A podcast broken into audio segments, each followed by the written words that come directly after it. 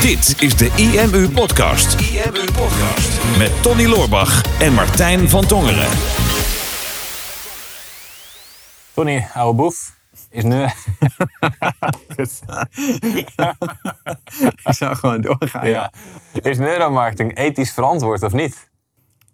ja zeker. Ja, vind ik ook wel. Oh, ah, jammer. Dus waarom? Dus waarom? Waarom eh, is het volgens jou ethisch verantwoord?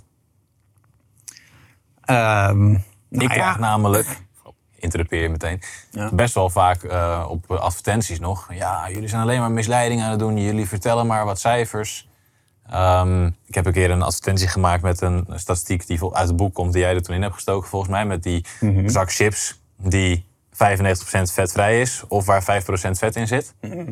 Uh, en als je dan, dat is een stukje framing wat je kan toepassen. Dan zeg je, ja, dat is misleiding. Dat is misleiding. Jullie, Mhm. Als je dit, eh, dit als tips geeft, hè, dus in plaats van je betaalt maar 80% van de prijs of je geeft 20% korting, dat je zelf kiest als ondernemer welke, Mhm. ehm, ja, welk cijfer je gebruikt, dat dat een misleiding zou zijn. Ja, nee, dat, dat is niet misleiding. Want, wij- want we geven de werkelijkheid niet anders voor dan dat die is. Mhm. Het, is het is verleiding. Ja. Door gewoon eh, mensen te helpen om in de verleiding te komen. Hè, door ze er op een bepaalde manier over na te laten denken. Kijk, marketing is in principe gewoon verleiding.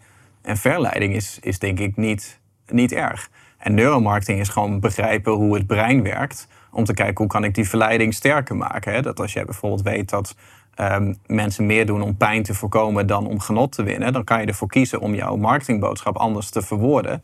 Zodat mensen meer in de verleiding komen om jouw product te gaan kopen. Zolang je de werkelijkheid maar niet, maar niet verdraait. Weet je, als, ehm, als jij nou straks na een dag podcasten, als jij nou straks thuis komt en jouw vriendin die heeft eh, iets spannends aangetrokken of zo. En die heeft zoiets van, nou, eh, ik verleid jou om eh, de slaapkamer in te komen.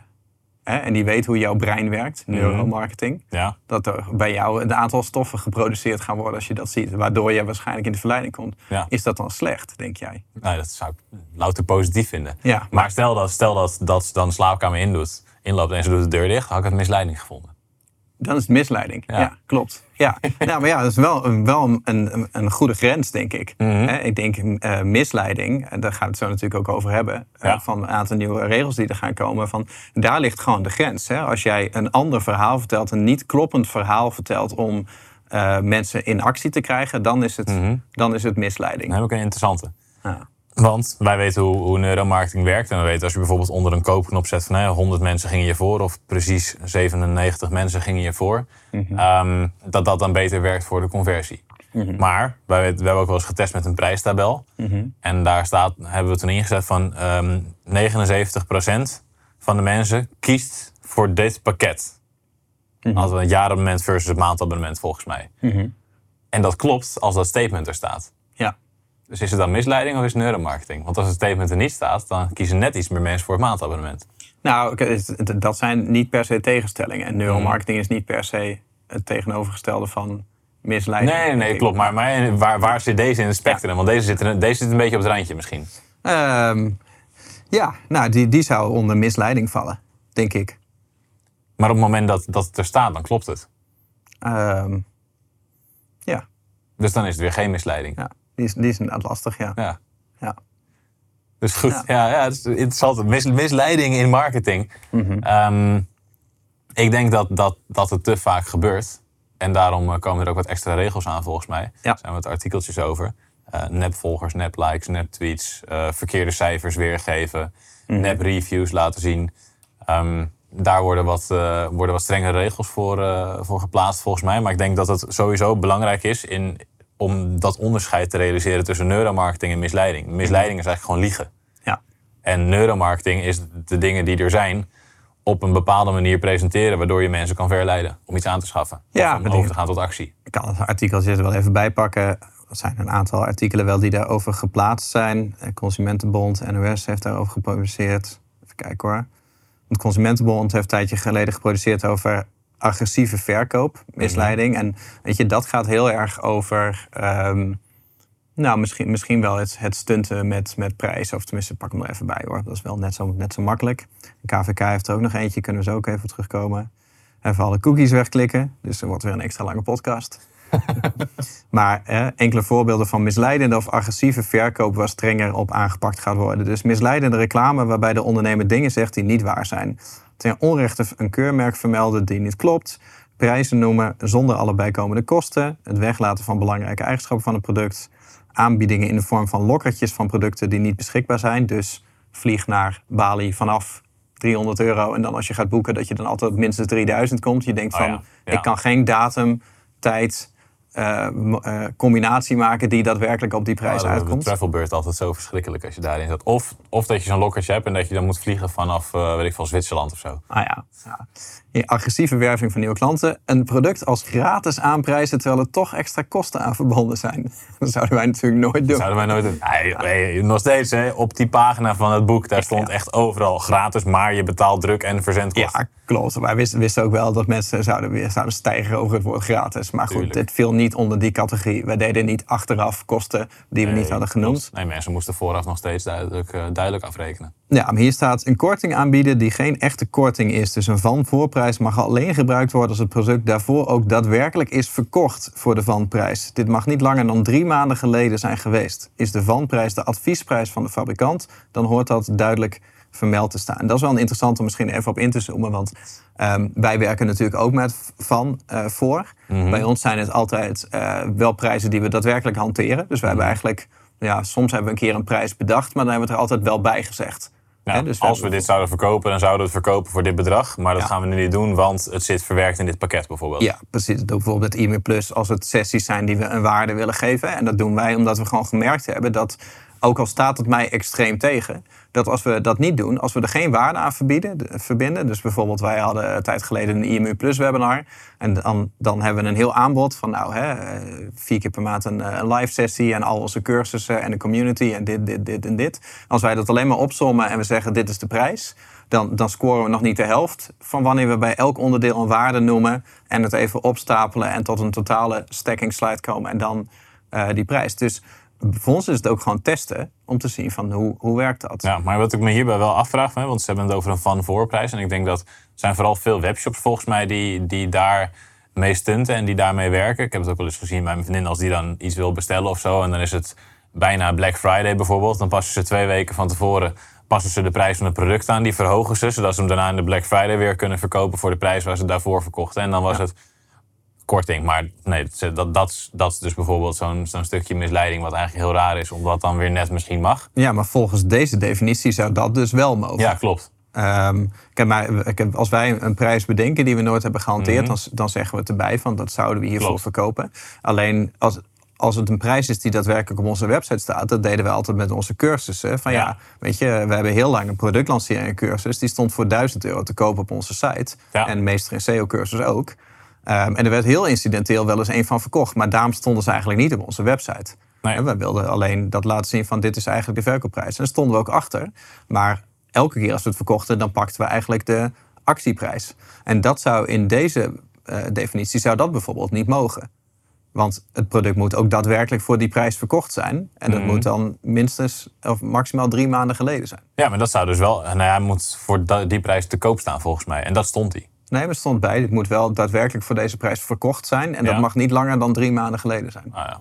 Ik weet niet of je elke drie maanden inderdaad voor die 1000 euro werd verkocht, maar wel een paar keer per jaar in ieder geval. Ja. Maar wat, wat ik meer bedoelde met die webshops net was, soms zijn er ook gewoon shops die zeggen inderdaad, dit was 100 euro en nu is het 60 euro, maar het is nooit voor 100 euro verkocht. Mhm. En dan is het echt zo'n van voorprijs inderdaad, van van 100 voor 60. En dat, mhm. dat is onzin. En dat zie je ook nog wel eens in winkels met van die stickertjes. Dat je denkt, ja, maar volgens mij is dit gewoon nooit voor dit bedrag verkocht. Nee.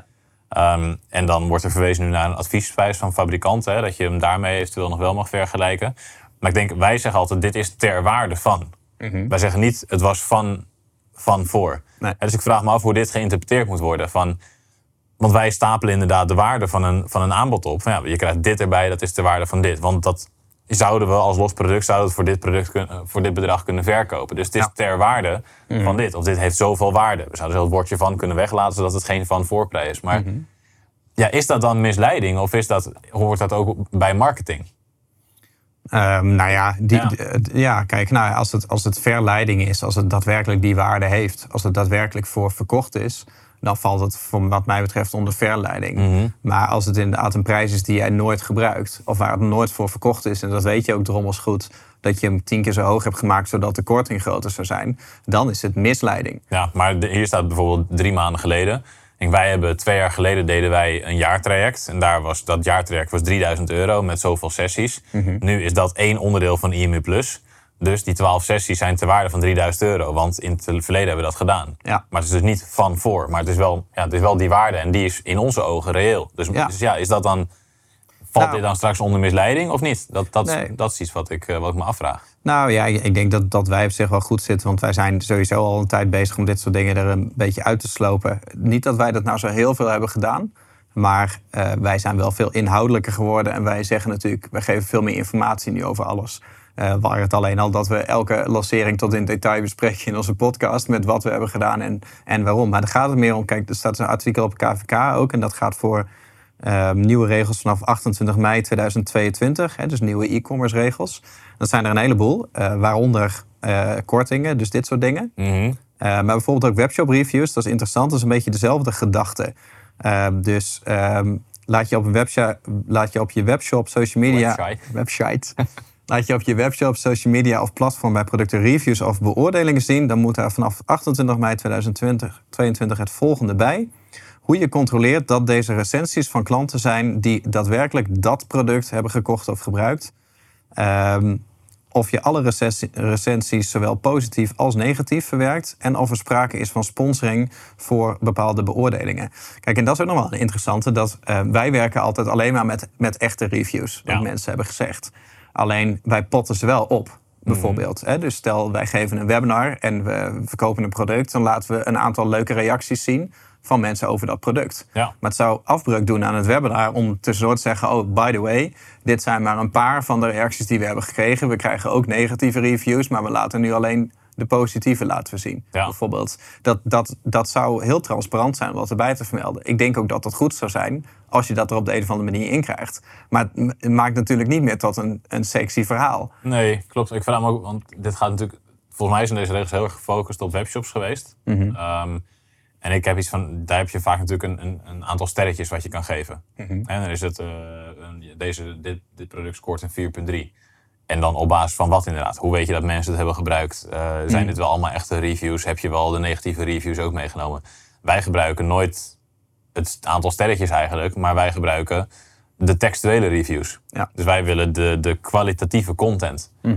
En we laten ook niet alle positieve zien. En meestal inderdaad ook niet de negatieve, maar gewoon de, de reviews. Wij plaatsen reviews die passen op de juiste plek op een verkooppagina. Ja. Dus ik vraag me ook af hierbij. Ik denk dat die buiten deze regelgeving vallen. Ik denk dat dit meer heeft te maken heeft met.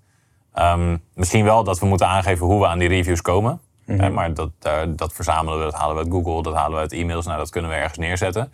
Maar ik denk dat dit vooral draait om het, om, ja, het aantal sterren wat je hebt. En als je inderdaad dan 20 één ster reviews niet meetelt, dat je die eruit filtert, ja, dan, dan ben je aan het misleiden. Nou ja, maar ik denk dat daarom we gaan dit. Ik denk niet dat wij ons zorgen hoeven maken, zeker niet. Eh, we staan wel specifiek stond er een dingetje bij. Ook nog wel interessant, wat die herkende ik even. Ehm, ik heb hem al even weer weggeklikt voor het gemak. Reviews. Ehm, hè, hoe je controleert dat deze recensies van klanten zijn die daadwerkelijk dat artikel hebben gekocht. Dit kun je bijvoorbeeld doen door een controle op verdachte patronen, zoals heel veel recensies in een korte tijd. En wij, kijk, wij hebben natuurlijk wel eens tijdens een webinar of tijdens een challenge opgeroepen van hey, ehm, ga allemaal even nu naar Google en geef ons even een review. Ja. En dan hadden we meteen 100 reviews, maar allemaal op dezelfde dag. En die gingen dan allemaal over ons. Oh, Tony en Martijn hebben een heel gaaf webinar gegeven. Of ze schreven iets over ons in het algemeen. Maar wij kunnen dan vervolgens die testimonial pakken en die kunnen we waar dan ook neerzetten. Dus wij geven een webinar over bijvoorbeeld SEO.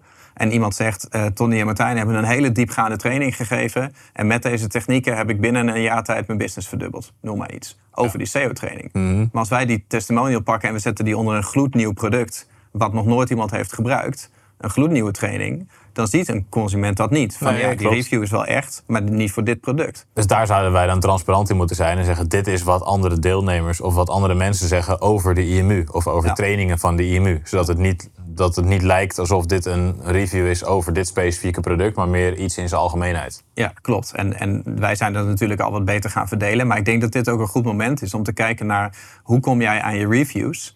Waar bewaar je die? En uh, hoe goed kan jij bewijzen dat die reviews daadwerkelijk echt zijn? Mhm. Wij hebben in het verleden heel veel tekstreviews op onze websites gehad. En dan ben je op een gegeven moment ben je vijf jaar verder. En dan staat er een hele leuke reactie van iemand op je homepage. Waarvan je niet meer weet van hoe heb ik die reactie ook alweer gekregen? Heeft iemand dat toen tijdens een webinar een keer in een chat gezegd of een keer op een e-mail? Dan kan je het niet terugvinden. Um, wij hebben ook heel veel reviews bijvoorbeeld op Facebook verzameld. Maar ja, wij gebruiken Facebook al bijna niet meer. Hè? Dus daar zijn we ook niet meer aan het opbouwen. Wij zijn nu naar Google gegaan. Hè? We hebben het liefst gewoon alle reviews die we krijgen... gewoon op de Google Mijn Bedrijf pagina... zodat het 100% transparant is. En wij gebruiken dan nu het toeltje uh, Embed Social. Daar kan je die reviews dan inladen. En dat vind ik geniaal, want dan laden wij reviews van Google in en uit onze fanpage. En we kunnen ze zelfs uh, handmatig toevoegen vanuit de klantenservice als iemand iets leuks stuurt. Dan hebben we het allemaal op één plek. En dat kunnen we dan op de website inladen. Door bijvoorbeeld te zeggen, dit zeggen mensen over IMU... of dit zeggen mensen over onze seminars of over het boek. Of ik kan zelfs specifiek zoeken op alle reviews met het woord Martijn erin. Hè, dat kunnen we dan op jouw pagina zetten. Maar je kunt vanuit de reviews ook heel makkelijk weer teruggaan naar Google... om te zien dat ze daar daadwerkelijk buiten onze website ook staan. Ja. En dan wordt het veel makkelijker om te bewijzen van... kijk, hier kan je ze allemaal vinden, inclusief de negatieve. Ja. Want die halen wij natuurlijk op onze website. Dus we echt maar in Google blijven ze wel staan. Ja, precies. Dus, dus, en dat, dat is dus een beetje een ding van... is dat dan misleiding dat we niet alles tonen? Of is dat verleiding? In principe is dat misleiding, denk ik. Ja, weet ik dus niet. Want als je op een verkooppagina zit en wij willen een product promoten... je gaat ook niet alle 500 reviews die wij op Google hebben op die verkooppagina zetten. Nee. Dus je wil dan misschien dat er ergens een linkje moet staan van... klik hier om alle reviews te bekijken. Ik denk dat je hem daar bijvoorbeeld mee zou kunnen oplossen. Want je, gaat niet, je gaat niet de, want het user experience blijft ook belangrijk. Dus je moet niet alles altijd laten zien. Maar ik denk dus dat dit vooral met die sterretjes te maken heeft ten opzichte van kwalitatieve reviews. En als je dat op die manier kan doen, dat het prima is. Maar dat was volgens mij ook een van de dingen die in dat artikel stond. Van het is wel heel belangrijk dat je laat zien hoe je eraan komt en waar ze te vinden zijn. En hoe je de kwaliteit waarborgt. Dus als wij dat in de footer bijvoorbeeld ergens in een statement kunnen verwerken. Ik weet niet of het in de voorwaarden of in de privacy policy of wherever, in een cookie melding. Of ik mag hopen dat er niet weer een melding voor moet komen. Maar gewoon ergens laten zien van oké, dit is waar we al onze reviews staan. En daar zijn we transparant over. Ik denk dat het dan helemaal prima is. Ja. Nou, dat denk ik ook. Weet je, er zitten heel veel regels in. We zullen het linkje even in de YouTube-video toevoegen. Want anders dan zijn we heel lang bezig. Maar het ging over uh, dus reviews, kortingen, uh, online marktplaatsen, gratis online diensten, vergelijkingssites. Maar even kijken hoor, bied je gratis dienst aan waarvoor consumenten hun persoonlijke gegevens moeten opgeven. Dan moet je straks meer informatie verstrekken over hoe lang mensen aan deze digitale dienst vastzitten. En als je een beetje kijkt naar die regels. Uh, het is allemaal niet nieuw, want het mocht eigenlijk al niet. Alleen uh, er komt weer een keer een ronde dat er wat strenger op gehandhaafd gaat worden. En dat kun je, weet je nu al, dat gaat de komende jaren gaat dat steeds meer gebeuren. Het is alleen gewoon meer de, de, de kern van het verhaal is gewoon van waar doe je de situatie nog wat mooier voor dan dat die is. Ja. Um, en ga je dan ook echt over de grens? Ik denk inderdaad wel dat er een dunne grens is tussen verleiding en tussen misleiding. Ik bedoel, je gaat ook niet, als jij een negatieve review hebt gekregen, dat je die dan automatisch bovenaan zet op je belangrijkste verkooppagina. Want dat klopt ook niet helemaal Nee. met het totaalbeeld. Alleen ik denk wel dat het voor ons uh, ja, de afgelopen jaren hebben wij dat niet meer zo. Maar wij hebben hier vaak ook wel gesprekken over gehad in het verleden. Van hè, hoe ga je iets verwoorden? Wat ga je zeggen? Wat ga je niet zeggen? Uh, laatst in, met Mitchell in deze podcast hebben we ook nog een gesprek over gehad. Van hè, uh, ga je dingen zeggen die niet waar zijn? Of dingen zeggen die net wat mooier zijn dan de waarheid? Om, puur en alleen om je conversie te verhogen? Of ga je dan echt een ethische grens over? Ja, dat is eentje, eentje waar, je, waar je rekening mee moet houden, denk ik. En waar wij volgens mij al al best wel lang op het, op het juiste pad zitten. Ik denk de meest, uh, ja, die het meest op het randje of over het randje was, was wat wij intern soldaat van oranje marketing noemen. Ja. Dat is gewoon iets wat wij een keer per ongeluk getest hadden. Dat we om tien uur s morgens de afteller hadden staan. um, vanaf eerder in die week, omdat er dan meestal omdat wij rond tien uur een mail sturen, dat er dan één dag minder op de teller staat, maar dat het in uren gaat. Ja. En toen waren wij allebei vergeten om die te verschuiven, die tellers morgens. Dus toen was het vrijdagochtend vijf voor tien en wij zagen de sales binnenkomen. Wow, het gaat echt hard vandaag. Nee, het wordt een knaldag. En toen was het kwart over tien. Dus ja, het laatste kwartier geen sales meer. Toen zei jij volgens mij, heb jij de teller verzet? Ik zei, nee. Heb jij de teller verzet? Nee. Ah, oké. Oh, laten we dan de teller even verzetten naar 12 uur.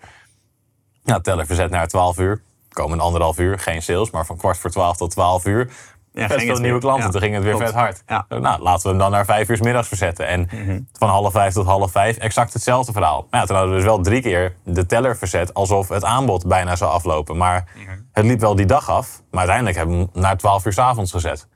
Dus ja, dat was wel zat wel in de buurt van misleiding of was misschien zelfs wel misleiding. Maar ja, het werkte wel vet goed.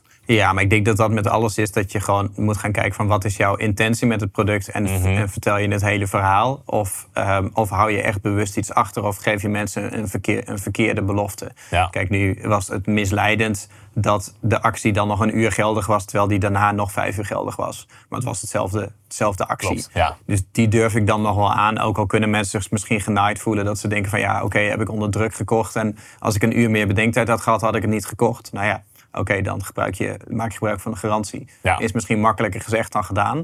Maar dat is wel over de grens, maar dat vind ik wel meevallen. Dat is net als bijvoorbeeld in de content. Als jij een, een, een afvallen product hebt. En je kan op jouw eh, website zetten van... als je mijn product koopt, dan krijg je een cursus met vier modules... en daarin 48 video's van elk een uur. En die, als je die kijkt, dat je dan uiteindelijk gewicht gaat verliezen. Of... ehm, je zet iets neer van hè, mijn programma heeft vier eenvoudige stappen die voor iedereen te volgen zijn waarmee je gewicht gaat verliezen. Ja, dat is anders verwoord. Ja. Ik denk eh, als jij iets zegt wat, wat en wel klopt en wat nog steeds mensen een goede ervaring geeft met jouw product, dan kan je wel een beetje spelen met kan ik het eventueel anders framen of anders verwoorden als je maar niet over die grens gaat. Hè? En dat, dat is denk ik een beetje het probleem wat wij met, met alle business coaches hebben. Ehm, dat die heel vaak gewoon een, een plaatje neerzetten wat niks te maken heeft met de werkelijkheid. We hebben daar in de vorige podcast natuurlijk ook wel over gehad dat je, ehm, dus dat je succes verkoopt. ehm, of dat je zelf succesvol bent omdat mensen jouw succesprogramma kopen. En dat is net als een beetje dat zinnetje wat jij net zei van 97% kiest dit pakket. Dat klopt alleen maar als dat zinnetje er staat. Want Ja. dan do- kopen mensen inderdaad allemaal dat pakket. En als dat zinnetje er niet staat, dan klopt het ook niet, want dan kopen mensen allemaal een ander pakket. En als jij webinars geeft van nou, ik ben een succesvolle business coach en eh, kijk mij eens eh, lekker de wereld rondreizen en scheid hebben aan iedereen en mezelf buiten de maatschappij te plaatsen en lekker vrij zijn en dat wil jij toch ook?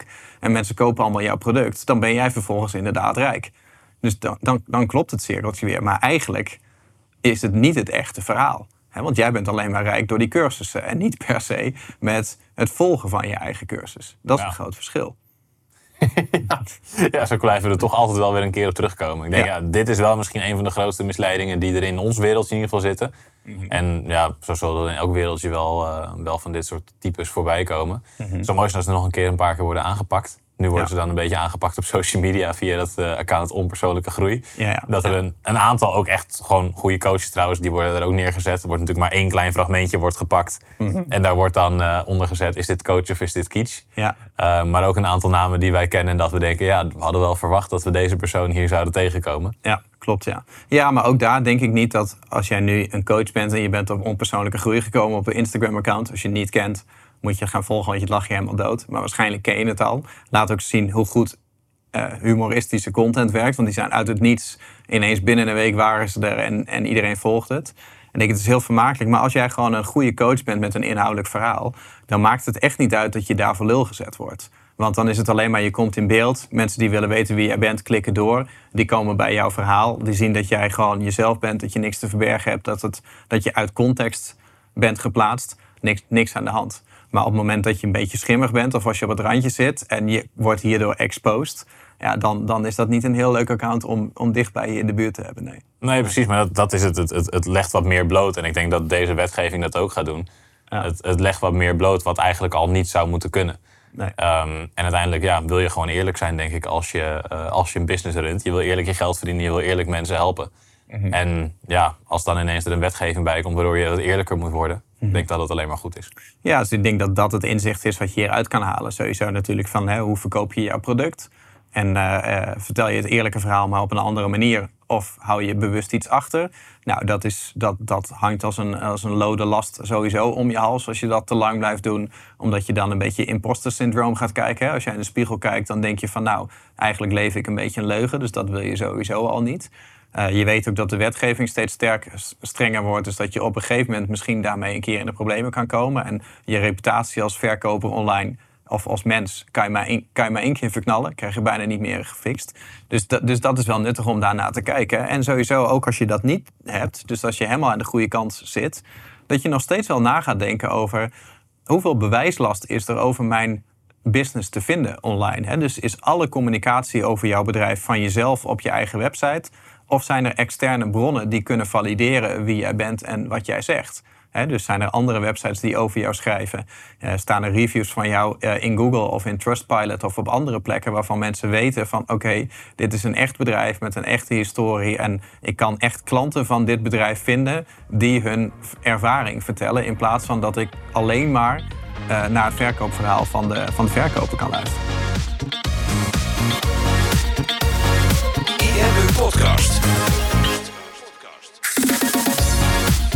Super tof dat je hebt geluisterd naar de IMU podcast. Ik hoop dat je dit waardevol vond en dat je er inzichten uit hebt kunnen halen voor jezelf en voor je eigen business. Vond je dit nou een waardevolle podcast, dan zouden Tony en ik het heel erg waarderen als je dat zou willen delen. Enerzijds door dat bijvoorbeeld te delen via je eigen Instagram of via LinkedIn. Door een screenshot te maken van je telefoonscherm en ons er even in te taggen. Maar wat we nog meer zouden waarderen is als je de tijd en moeite zou willen nemen om een review achter te laten. Werk je met een Apple-telefoon, dan kan je dat doen binnen je eigen podcast-app door daar een review te geven. Geef ons een x aantal sterren met daarbij een korte motivatie wat je van onze podcast vindt. Zouden we echt enorm waarderen als je die tijd zou willen nemen. En werk je met een Android-telefoon, dan zie je dat, daar, eh, dat de meeste apps geen review-mogelijkheid hebben. Wat we dan heel erg zouden waarderen is als je op Google IMU zou willen intypen en vervolgens via de Google Review-sectie iets zou willen vertellen over de IMU, wat je van ons vindt en wat je aan onze podcast hebt gehad. Alvast heel erg bedankt en ik hoop natuurlijk dat we je volgende week weer mogen verblijden met een volgende aflevering van de IMU Podcast.